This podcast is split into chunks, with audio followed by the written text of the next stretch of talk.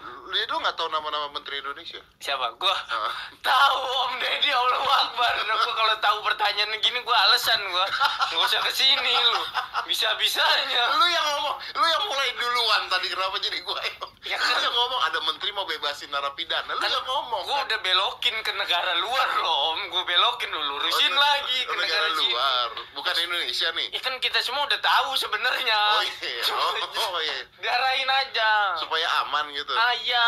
Oh iya, ada menteri mau bebasin narapidana. Ah, pada Ah. protes pada pada ini ke gua, mention ke gua, "Bang, ini gimana, Bang?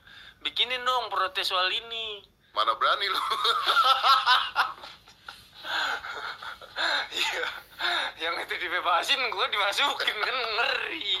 Isi ulang kan. Ah, ya Allah. Tapi dibebasin kan kata tapi presiden mengatakan bahwa udah keputusan eh, napi koruptor tidak jadi dibebasin.